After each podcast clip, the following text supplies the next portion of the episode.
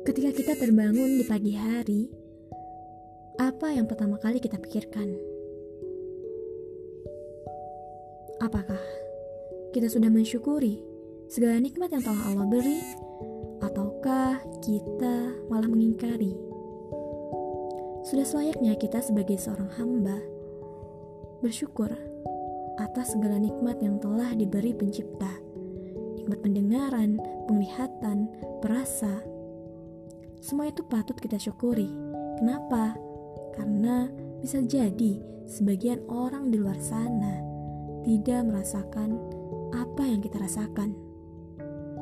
Lalu, bagaimana cara kita memanfaatkan nikmat yang telah Allah beri? Tidak lain adalah dengan menggunakannya di jalan ketaatan kepada Sang Pencipta.